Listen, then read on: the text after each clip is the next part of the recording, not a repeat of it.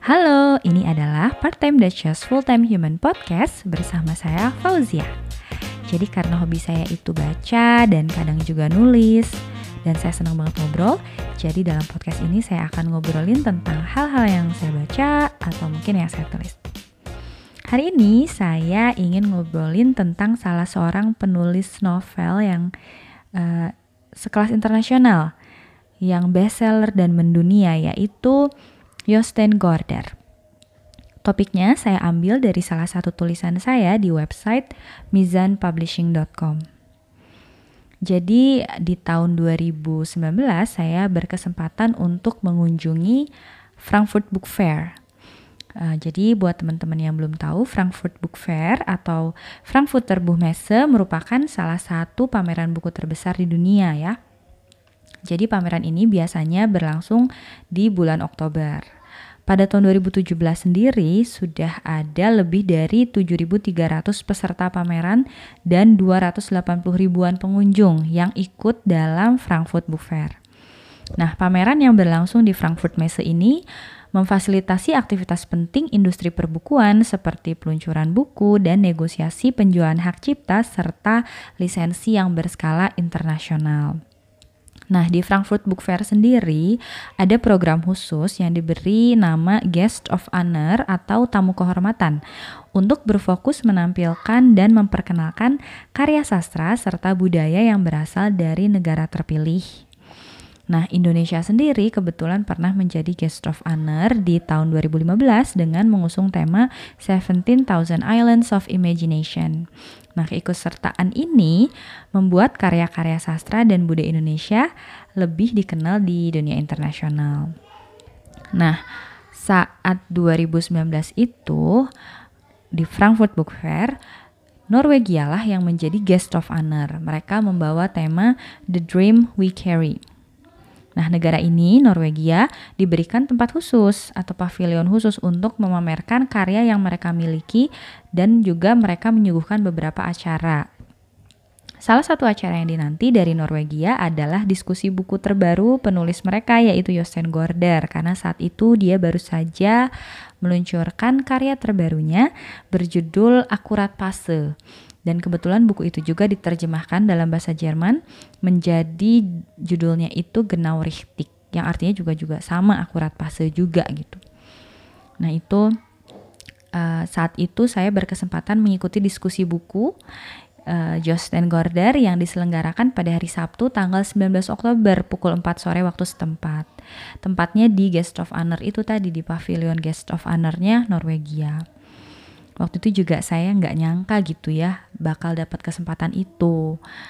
Uh, waktu itu pengunjungnya juga banyak tapi mereka tertib gitu kan. Yang kebagian tempat duduk ya duduk yang nggak kebagian ya berdiri sama seperti saya juga berdiri tapi semuanya tertib gitu. Nah saat itu Yosen Gorder membicarakan tentang uh, bukunya ya. Misalnya topik tentang kenapa dia memberi judul buku itu akurat pase. Yang jika diartikan ke dalam bahasa Inggris itu artinya adalah just right atau pas banget ya kalau dalam bahasa Indonesia.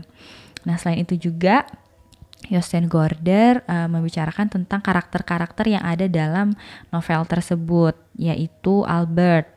Yang di novel itu Albert tuh sering memikirkan banyak misteri di dunia ini atau mungkin bahasa kerennya tuh overthinking gitu ya Nah, misalnya aja nih salah satu contoh yang disebutkan oleh Josten adalah Albert tuh sering misalnya memikirkan tentang misteri otak manusia. Kenapa sih otak manusia itu ukurannya pas banget gitu, just right. Karena Albert memikirkan bahwa jika nih otak manusia itu lebih besar, maka uh, wanita tidak akan bisa melahirkan bayi dan kemudian bisa berdiri lagi di atas kedua kaki. Itu kalau otaknya terlalu besar. Namun kalau lebih kecil juga nggak bisa karena nanti manusia tidak akan bisa saling berkomunikasi secara rasional atau memiliki pemahaman yang dalam akan dunia ini kayak gitu. Jadi uh, tokoh utamanya itu sering berkontemplasi gitu ya uh, waktu itu Yosen Gardner itu gaya ceritanya berapi-api gitu kan dan sesekali juga dia bercanda gitu jadi hari itu suasana sore itu santai banyak yang tertawa gitu ya Terus sesi itu kemudian ditutup dengan penandatanganan buku oleh Yosen Gorder. Jadi meskipun merupakan salah satu penulis bestseller yang mendunia ya, Yosen Gorder itu ternyata ramah gitu kan. Saat itu saya ngedeketin, uh, memperkenalkan diri, meminta tanda tangan, berfoto pun dia mau gitu bahkan dimintai apa video ucapan mengucapkan apa selam apa uh, salam gitu ke pembaca Indonesia pun dia mau gitu jadi orangnya sangat ramah. Nah, kalau misalnya membicarakan tentang tulisan Yosten Gorder nih ya, memang kebanyakan tulisan Yosten Gorder itu punya ciri khas, yaitu memadukan dongeng dengan uh, perenungan tadi ya, filsafat mungkin ya. Uh, novel-novelnya itu banyak yang sudah diterbitkan juga oleh penerbit Mizan, di antaranya ada Dunia Sofi yang paling terkenal ya.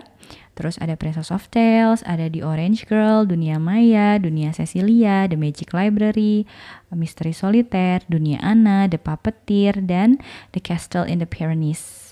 Nah, buku terbaru Yosen yang tadi akurat pase, Just Right, Genau Richtig juga sudah diterbitkan oleh penerbit Mizan dengan judul House of Tales gitu. Kalau saya sendiri uh, baru baca uh, Dunia Ana, terus The Castle of the Pyrenees, terus Dunia Sofi sih tapi eh, kayak ingin baca ulang Dunia Sofi karena setelah ngobrol dengan uh, salah seorang penerjemah katanya sih seru banget sebetulnya kalau kita benar-benar bisa memahami isi buku Dunia Sofi jadi saya sedang uh, mencoba untuk baca lagi. Nah selain nulis juga nih ternyata Justin Gorder ini adalah seorang aktivis pelestarian lingkungan ya. Dia memiliki suatu yayasan bernama Sophie Foundation yang didirikannya bersama istrinya pada tahun 1997. Jadi dia nggak hanya sekadar penulis tapi juga aktivis. Nah itu tadi salah satu uh, obrolan tentang Justin Gorder dan Frankfurt Book Fair dan juga tentang bukunya Justin Gorder teman-teman bisa baca bukunya. Ada yang tebal ada yang tipis dengan berbagai tema terutama filsafat sih sebetulnya. Dan juga kalau favorit saya sejauh ini sih The Puppeteer. Tadi saya tuh baca bukan The Castle of Pyrenees tapi The Puppeteer baru ingat. The Puppeteer yang saya baca dan itu seru banget. Gitu. Oke segitu dulu obrolan kita hari ini. Terima kasih yang sudah mendengarkan dan semoga bermanfaat